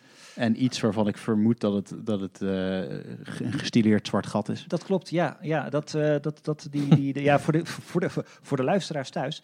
eh, Spiraalachtige dat is spiraalachtige figuur. Ding, ja, dat is waar ik met de student aan het kijken was. of gewoon even aan het tekenen was. Hoe die beweging eruit zou moeten zien eh, als onze formules correct zouden zijn. Oké. Eh, dus inderdaad hier in het zwart. Ja, daar hebben de, de luisteraars niet zoveel aan. Maar in het zwart op, de, op, op het bord eh, zie je nu inderdaad berekeningen Lees maar die even ik- voor. Dan zou je denk ik oprecht gewoon een kwartier bezig zijn. Ja. eh, Nee. Eh, die formules die hier, die zeg je inderdaad. eh, het is inderdaad werk wat ik met een student heb. Dat was een paar dagen geleden. Nou, toch, wacht, pak eens even dit stukje. Hoe klinkt, nee maar serieus, hoe klinkt, de- ik, ik heb nou echt geen idee. Hoe klinkt dit stukje formule als je dit zou, aan mij zou voorlezen? ja, maar Gewoon- wij, wij natuurkundigen lezen zelden formules aan elkaar voor. Hè? Ik bedoel, Ja, maar dat maakt me niet uit. Ik kan toch, maar dit, dit, Ja. ik neem aan. Nou, dat is waar, daar- Of is voor een formule alleen maar, kan dat wat- alleen maar oké, wat daar gelezen staat worden? Is, wat daar staat is eh, de, de, de, de, de, de normalisatie van, van eh for velocity. Ja, het gaat al snel in het Engels, want de- zo zijn die termen is vaak prima. gedefinieerd. Eh, er is een regel in de algemene relativiteitstheorie dat hoe dingen ook bewegen, ehm, de bewegingen in, de verschillende dimensies moeten samen een relatie met elkaar hebben. Ehm, lang verhaal kort, er moet min 1 uitkomen. En, en ik, ben, ik heb met een student hebben we een, een formule ontwikkeld en, eh, om te kijken hoe twee dingen om elkaar aan bewegen zijn. En een van de eerste eisen waar die formule aan moet voldoen, is dat deze normalisatie van de vier velocity, de vier snelheid, dat netjes min 1 uitkomt. Eh, het goede nieuws is dat, dat, dat, het- dat, dat het dat doet. Gelukkig. Dus, ik was wel even bang. ja, dus het is goed. Maar ik zie nul trouwens niet staan. wie er aan- Ja. wie er- ik vermoed trouwens dat wie er aan de deur stond, eh, dat dat deze student Ah. was, de zaakjes. Kijk. En je hebt gelijk, er staat 0, maar dat komt omdat dit een tweede orde benadering is. De eerste orde geeft al min 1. Dus Ah, oké, oké. Dit is je, dit is je, ja, oké. nul. De correctie. Hey. En nog even, Ja. even voor mij, en nog even meer, eh, meer, meer letterlijk, wat staat hier? Mu, no, hoe, om het- ik wil weten hoe het klinkt. Oh, eh, oh ja. Ja, nou, eh, de, techniek, ik doe ik zal zo de, de symbolen daadwerkelijk voorlezen. Maar de technische term is dat hier een, een, een contractie staat van, eh, van twee viersnelheden. En daar moet dus eh, in dit geval eh, min 1 uitkomen. Ehm, eh, ik, nu ga ik hem voorlezen. Ja. Eh, pff, ja, dan nogmaals, het leest van geen meter Heel voor klein natuurlijk. stukje. Eh, de N-lambda, de Dau lambda, G menu, eh, de U0 mu, U0 nu. Nou, zo klinkt dat dus, ja. een formule. Maar nogmaals, zo, pra- symbolen. zo praten we niet tegen elkaar. Nee, nee, dat zeggen- snap- wij Ook zeggen grap bij tijdens de lunch. Gewoon, als het over je normale leven hebt, dat het helemaal in symbolen is verpakt. ja. Het is al die mensen die denken dat ze, eh, dat ze ergens op een radiofrequentie ali- aliens hebben Ja, gehoord. ja, precies. Ze hebben gewoon toevallig Ja. gewoon een, eh, een, paar, een paar natuurkundigen die met elkaar aan de lunchtafel aan het praten zijn opgevangen. Maar het is wel, ehm, kijk, eh, die formules die, die, die, die, die zien er al heel gauw heel ingewikkeld uit. En ik zal ook niet liegen, het is natuurlijk ook niet makkelijk. En je moet er, eh, moet er lang mee bezig zijn voordat je ze in de vingers hebt. Maar het, het geeft ook een heel gauw de schijn van hier staat iets bovenmenselijk eh ingewikkelds. Ja. Nou, en het is net als elke andere taal. Hè, ik bedoel, eh, is het, in principe is het prima te lezen. Sterker nog, die uitspraak die ik net doe, waar ik zeg het is de normalisatie van viersnelheid. Nou ja, dat is, hele, dat is op zich helemaal geen, geen diepe natuurkundige eh, moeilijke waarheid. Het is alleen de taal waarin het staat die het dan gauw ingewikkeld doet lijken. Oké. Het is alsof je rood kapje in de Chinees opschrijft. Dan denk je, verdorie, zeg, wat staat hier voor diepe filosofische wijsheid? Dat valt ook wel mee. De symbolen ziet er ingewikkeld uit, maar het verhaaltje kan nog steeds heel makkelijk zijn. We hebben het net gehad over eh, LIGO en Virgo en alle detectoren van nu. Maar er is ook een hele nieuwe eh, ja, de- detector in aanbouw, toch? Ja, dat klopt. Ja. Ehm, de, de, er zijn de- meer dan één trouwens. Ja. Maar eh, de, de- degene die voor Europa heel interessant is, is, is dat we bezig zijn met, met hopelijk het voor elkaar te krijgen dat er een, een veel gevoeligere zwaartescholfdetector gebouwd gaat worden. De zogenaamde Einstein-telescoop. Ehm, daar gaat nog heel veel jaren overheen. Eh, die zou pas operationeel zijn in zo 2035 ongeveer, dus dat duurt nog wel even. Ja. Maar dat apparaat wordt eh, nog eens een keertje veel eh, gevoeliger. Dus dat betekent dat wij opeens nog veel meer signalen en nog veel meer informatie uit het diepe universum kunnen gaan meten. Waar we die nu af en toe eens binnenkrijgen. Er komt nu Ja. eens per week ongeveer een zwaartekrachtsgolf voorbij. Nou, straks komen er honderden per dag binnen met Ja, een die je apparaat. meten, ja. en dat Ja. betekent nou met alles waar, waarvan je er veel meer van kan meten, is dat je dus je antwoorden veel nauwkeuriger krijgt. Ja. Oké. Maar betekent Cool. ook dat er meer, nog meer, als hij gevoelig is, heeft hij ook nog meer last van ruis? Ja, dat, eh, dat klopt. Ehm, en dat, dat linkt heel erg mooi naar een, een, een ander onderzoek waar ik me steeds meer in aan het begeven ben. Namelijk ehm, het huidige probleem met, met je zwaartekrachtsgolf uit jouw detectorruis halen, ehm, is omdat de ruis vrij groot is. Maar gelukkig heb je maar één, D, golf per zoveel tijd. Dus als je ongeveer weet hoe die golf eruit ziet, dan kun je een, een computer vragen van nou zoek in al die ruis iets wat ongeveer op dit signaaltje lijkt. En dan, dan pikt hij er wel uit. Hè. Zo, zo worden nu de zwaartekrachtsgolven uit de ruis eh, geplukt. Maar als jij zometeen een apparaat hebt wat niet één golf per week ongeveer binnenkrijgt, maar honderden per dag, dat betekent dat die ene golf die jij wil weten, die heeft last van die 99 andere die je misschien niet wil weten. Dus in één keer eh, moet jij op een hele andere manier zwaartekrachtsgolven Ja. moet je gaan meten. Je moet ze niet alleen van de ruis filteren, je moet ook één zwaartekrachtsgolf van 99 andere zwaartekrachtsgolven loskoppelen. En dat is een, een groot wiskundig en ook software technisch probleem. En eh, ja, we zijn aan het kijken of we daar een bijdrage aan, eh, aan kunnen gaan leveren. En dat kan met nieuwe wiskundetechnieken. Dat is wat een deel van mijn eigen onderzoek op dit moment Ja. is. Maar een andere manier zou kunnen zijn eh, met nieuwe hardware.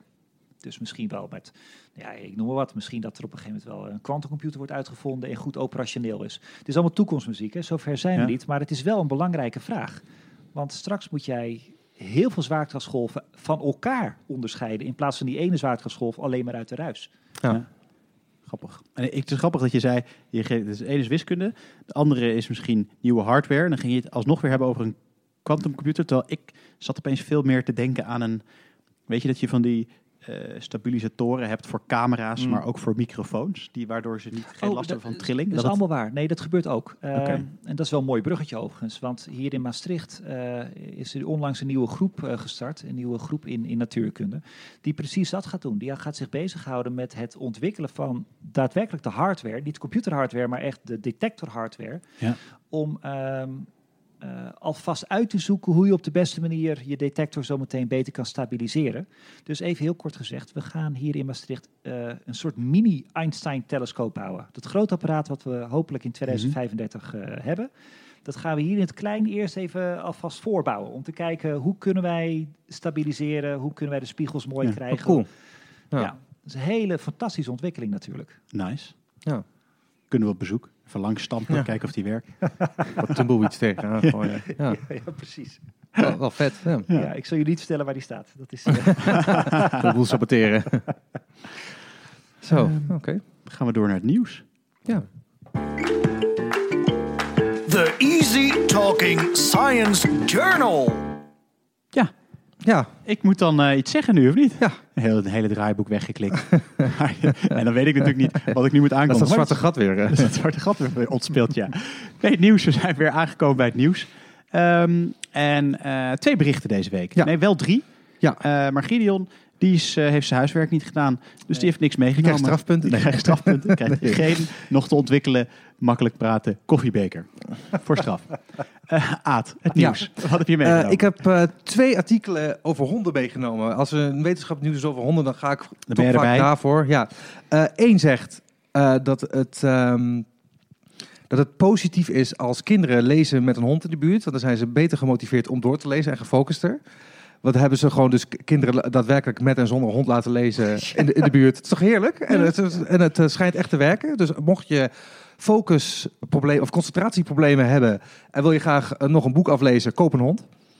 Eh, en het tweede is dat... maar hoe komt dat dan? ja, Hebben ze dat te eh, zeggen? dat, dat, dat, het is, gewoon, een onder- meting. het is Ja. gewoon onderzoek. Gewoon, En het komt waarschijnlijk omdat het, soort van het komt waarschijnlijk omdat eh, ze zich minder beoordeeld voelen op een of andere manier. En dat een hond heel erg. eh, die, een hond accepteert je natuurlijk zoals je bent. Maar als je je eentje gewoon ergens leest, dan... ja, dat is dan toch raar dat het dus toch dat beter is dat er een hond bij is. Dat was de uitslag van het ene onderzoek. En het andere onderzoek zegt dat. ik, want ik kan me voorstellen, ik ga er gewoon op door. Ik kan me voorstellen namelijk dat als je ouders ernaast zitten, dat je Ja, dan dus, dat is helemaal heel in paniek bent met hoe Ja, ja. snap ik jullie wel. En wat natuurlijk ook zo is, dat dacht ik zelf, maar dat Ja. staat niet in het onderzoek. Stel je voor, je bent eh, op je beeldscherm, op je werk, je moet iets tikken en dan komt een collega bij je staan en die vraagt je of je iets uit kan tikken. Dan weet je in één keer niet meer waar alle toetsen zitten en dan word je in één keer helemaal gek, omdat Ja. in één keer kijkt Ja, niemand oh, mee. Snap, je. ja, precies. Dat je vingers en, dat, ja, dat- dus, dus, dus, dus een hele natuurlijke taak wordt dan ineens heel moeilijk. En dat heb je natuurlijk ook bij lezen, dan denk ik zo. Dus je moet voor je niet meer honden, lezen. honden Ja. mee naar college Ja. nemen. Ja, Of dan nou, niet naar college, student meer- eigenlijk een keertje op. Ja, misschien. Ja. Ja, dat klopt. Ja.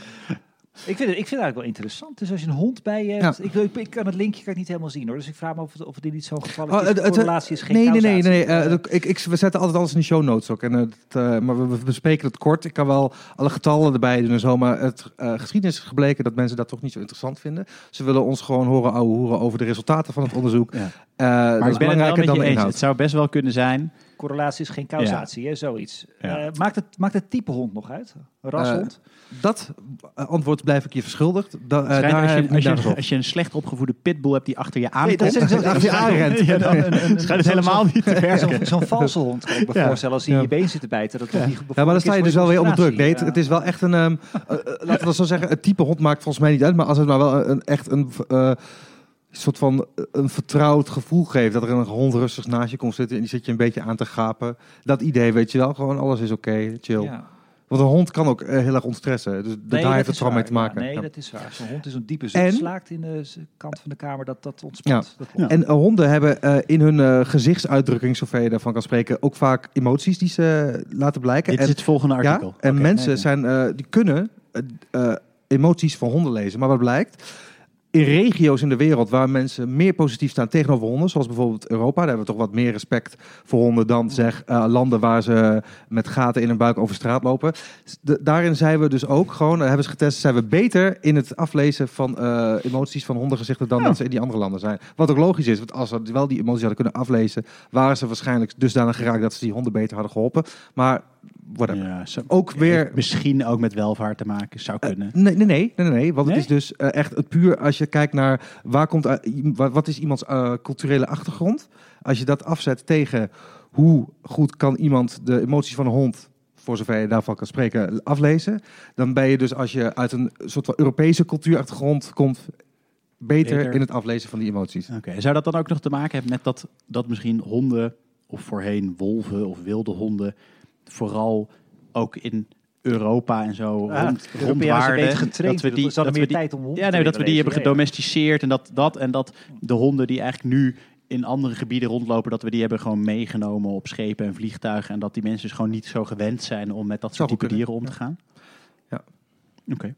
Nou, wat ik dan interessant vind, ehm, om te checken of, of wij eh, of een ge- gegeven testpersoon de gezichtsuitdrukking van de hond goed kan lezen, dan moet iemand wel weten wat, of, of die hond daadwerkelijk die emotie voelde. Dat was ook het Ja. eerste wat ik Dus- aan dus dacht. zei je Want je moet, keer- moet, je, heb je, hebben ze dan synapsen op hun hoofd Ja, gedaan? of hebben ze gewoon iemand Ja. anders genomen die zegt, nou, deze hond is vrolijk hoor. Zie jij het ook? Nee, maar ik bedoel dan, toch? Ik bedoel, Ja. ik bedoel wie, wie, wie was de, wie, wie- wat was de objectieve oordeel of die hond daadwerkelijk blij was of niet? Ja, want dat is altijd- dat is altijd een beetje- jaloers. Of, En dit is, niet, dit is Ja. best wel een realistisch punt. Want ik, heb, want ik heb namelijk eh, best wel vaak het gevoel dat een hond agressief is. Eh, ik, ben, ik, heb niet, ik ben, heb niet zo'n goede band met honden. En, eh, maar dan zegt vaak een eigenaar zegt dan altijd van... eh, nee, hij wil gewoon spelen. En dan denk ik, ja, dat, Ja. Dat, of, of niet. Weet je, dat kan. Dat, Ja, precies. Ik bedoel dat, Ja. die, dat die eigenaar inderdaad zegt, nou, volgens mij wil die hond spelen. En dan zeg jij, nee, die hond wil mij aanvallen. En terwijl Ja. die hond alleen maar denkt, ik heb, ik heb, ik heb honger. Ik bedoel? Ik niemand is het met elkaar eens op dat moment. je hond, Dus ik- je hond denkt, ik wil FIFA spelen. Ja, precies. Ja, dat is wel een goede vraag ik, hoe ze dat hebben. ik zoek het even op. in Nee, het, ik ben eh, oprecht wel benieuwd. Ik bedoel, ergens moet dan... Ik bedoel, om, om, te, om te checken of testpersoon A de, de emotie van de hond goed leest, dan, zei dan vermoed ik dat er iemand wist hoe die hond zich voelt op dat moment. Ja. Was dat testpersoon B of waren dat synapsen? Ik bedoel, is het objectief bepaald of was het iemand anders zijn, zijn vrije interpretatie van de gezichtsuitdrukking? Ik eh, ben bang. nee, weet ik niet. Ik heb geen idee. Ik. Nou ja, als hij zijn tanden in je kuit zet, dan snap je wel dat hij... eh, dan kan ik, snap ik ongeveer hoe hij zich voelt. Maar Ah, het zoek het even op. Ja, het is, eh, ik, eh, dit, eh, ik, dit, ik moet dat dan echt, ik moet dan nog drie links doorklikken voordat ik in het onderzoeksding ben. En dat heb ik nu niet gedaan. Dus eh, laten we dat even gewoon. Maar wel interessant, ja. Ja, maar sowieso zijn honden altijd eh, de leukste dingen die je kan onderzoeken, denk ik. Maar ik, had ook, ik had ook meer dierengeneeskunde moeten gaan studeren, denk ik. Nog meer. Als Meer diergeneeskunde Ja, ja, meer dan wat ik nu heb gedaan. Want nu, heb, nu is het niks. Ehm, Nou, Sander, laten we jouw artikel af gaan zeiken. Nou, ik heb dus een artikel meegenomen die helemaal past in eh, vandaag, als de uitzending online komt. Namelijk, eh, het, is, het is vandaag, eh, als de luisteraar hem opzet, is het, is het 5 december. Dus is het pakjesavond. En er wordt er heel veel gedicht ehm, en gerijmd. En eh, het artikel wat ik eh, heb eh, meegenomen, die zegt dat dat een goede zaak is. Want het leidt tot veel frustratie bij mensen, omdat ze nog allemaal heel stressvol gedichten, surprises en zo.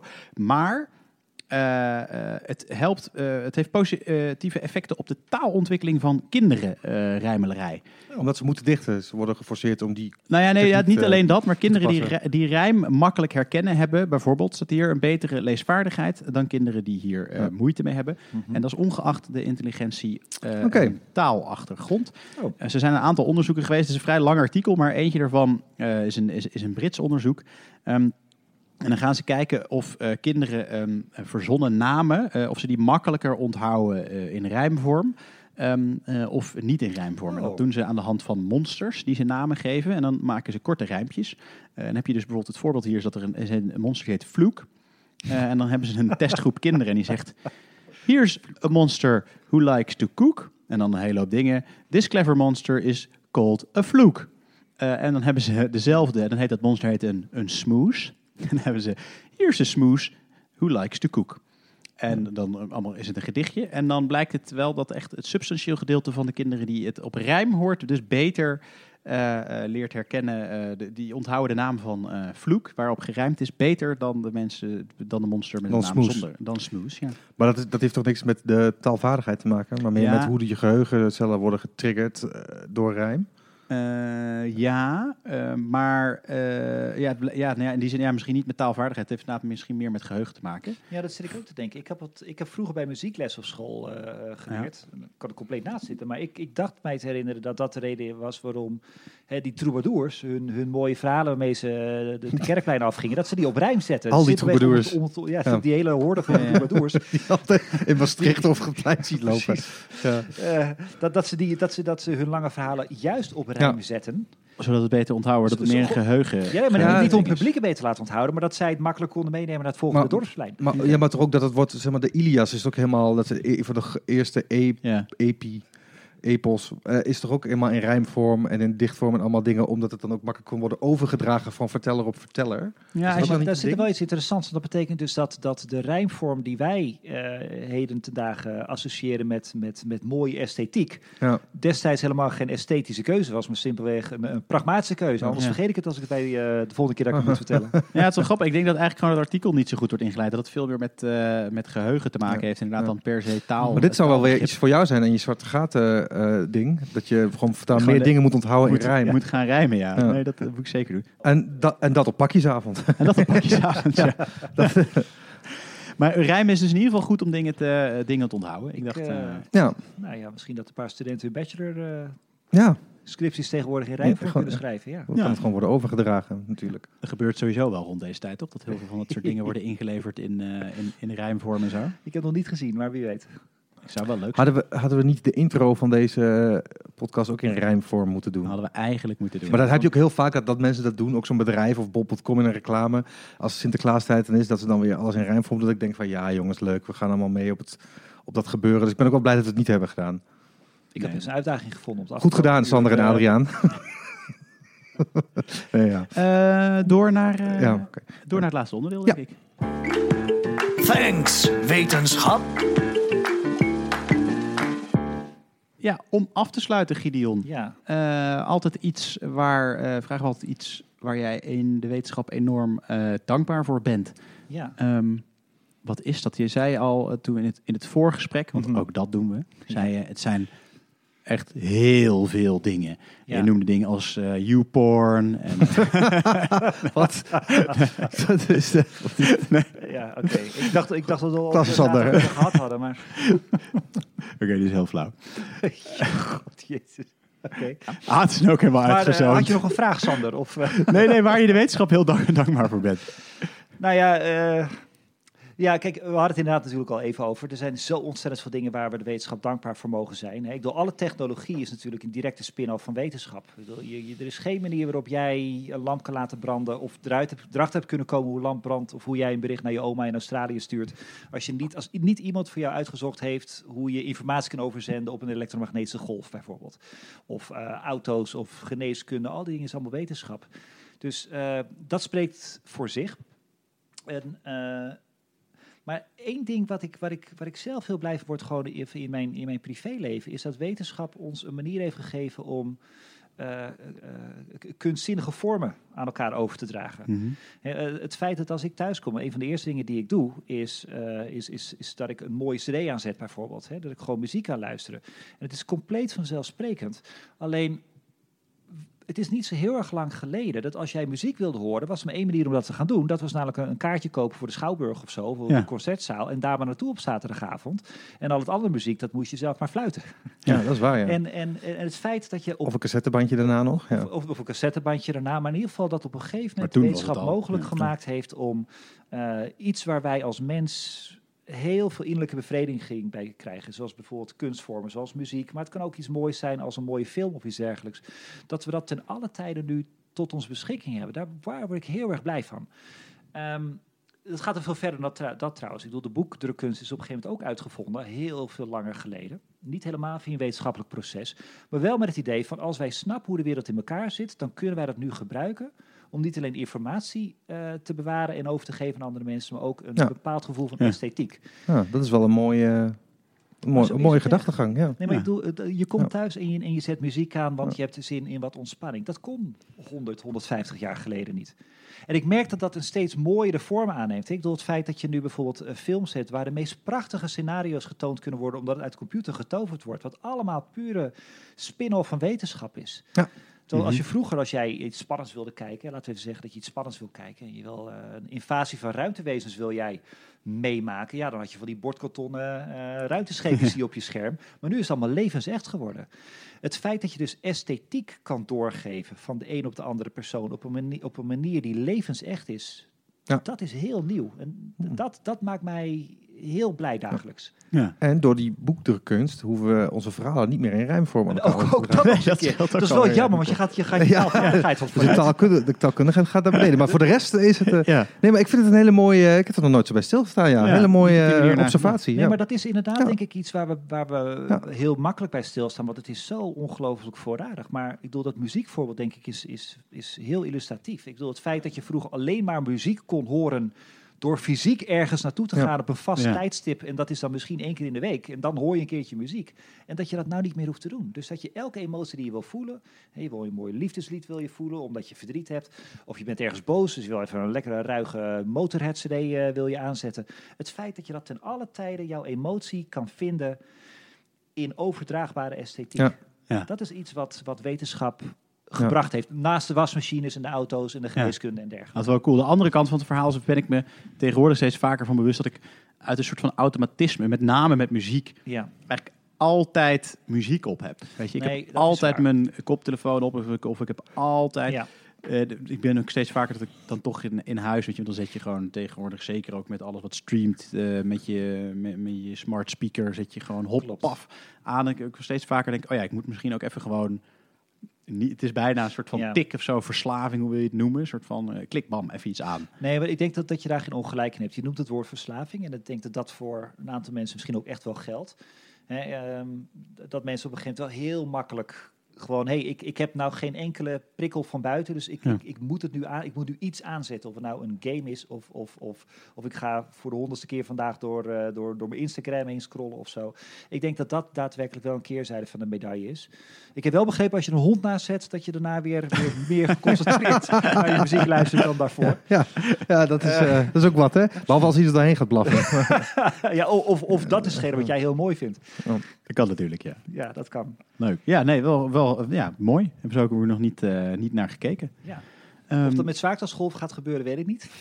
Maar, ik zou het niet uitsluiten in ieder Nee. geval. Nou ja, was, eh, alle gekheid daar gelaten. Ik bedoel, er zit ook een bepaalde schoonheid in, in echt begrijpen hoe de natuur in elkaar zit. In het geval van zo'n Einstein, die het honderd jaar geleden voorspelt. En hij zegt, zo moet het eruit zien. En dan zien dat het er ook echt zo uitziet. Dat, Ja. dat heeft ook een bepaalde schoonheid Ja. waar je heel blij van kan worden. Ja. Maar het zit wat moeilijker op cd, dat ben ik wel met je eens. Dat is wel waar. Ehm, ja, dankjewel. Daarmee zijn we aan het einde gekomen van, eh, van deze eh, aflevering. Mhm. Ehm, onwijs bedankt dat je er te gast wilde zijn. Of dat wij weer bij jou te gast mochten zijn in dit, eh, in dit geval. Jij krijgt, ehm, eh, wanneer die eenmaal uitontwikkeld is, ook zo'n fantastische... Ja, dat is echt een team van ontwikkelaars zit daar nu Ja, op. 15 man hebben we erop. is dat. Ja, ja, En, eh, De koffiebeker. Ja, Ja. de, koffie, de, de koffiebeker. Ehm, eh, krijg je die ook? Eh, Eh, Kijk er naar uit. en de luisteraars die eh, ook voor volgende aflevering weer wat eh, luisteraars, eh, lezers van New Scientist inzenden, die, eh, die maken ook weer, eh, weer kans. Ehm, over twee weken zijn we er eh, weer. Eh, tot die tijd kan je ons eh, ja, eigenlijk gewoon op de podcastkanalen volgen. Wat zijn ze ook alweer? Spotify, iTunes, Google Podcast. Google Podcast? Apple Podcast, niet iTunes. Ik vergeet het altijd. Oh ja, Apple Podcast. Ja. En ehm, Hives ja, Podcast. Hives Podcast, ja. In ieder geval overal. Eh, Instagram eh, en Twitter en Facebook. En dan eindigen we zoals altijd met een woord van dank aan in de eerste plaats eh, het NICEF. Ja. Die maakt deze uitzending mogelijk, maar ook de andere deelnemende universiteiten, zoals de Universiteit van Amsterdam, Wageningen University en Research en de Universiteit Utrecht. Ehm, tot over twee Ja. weken. En bedankt. Doei. Doei! Bye. 风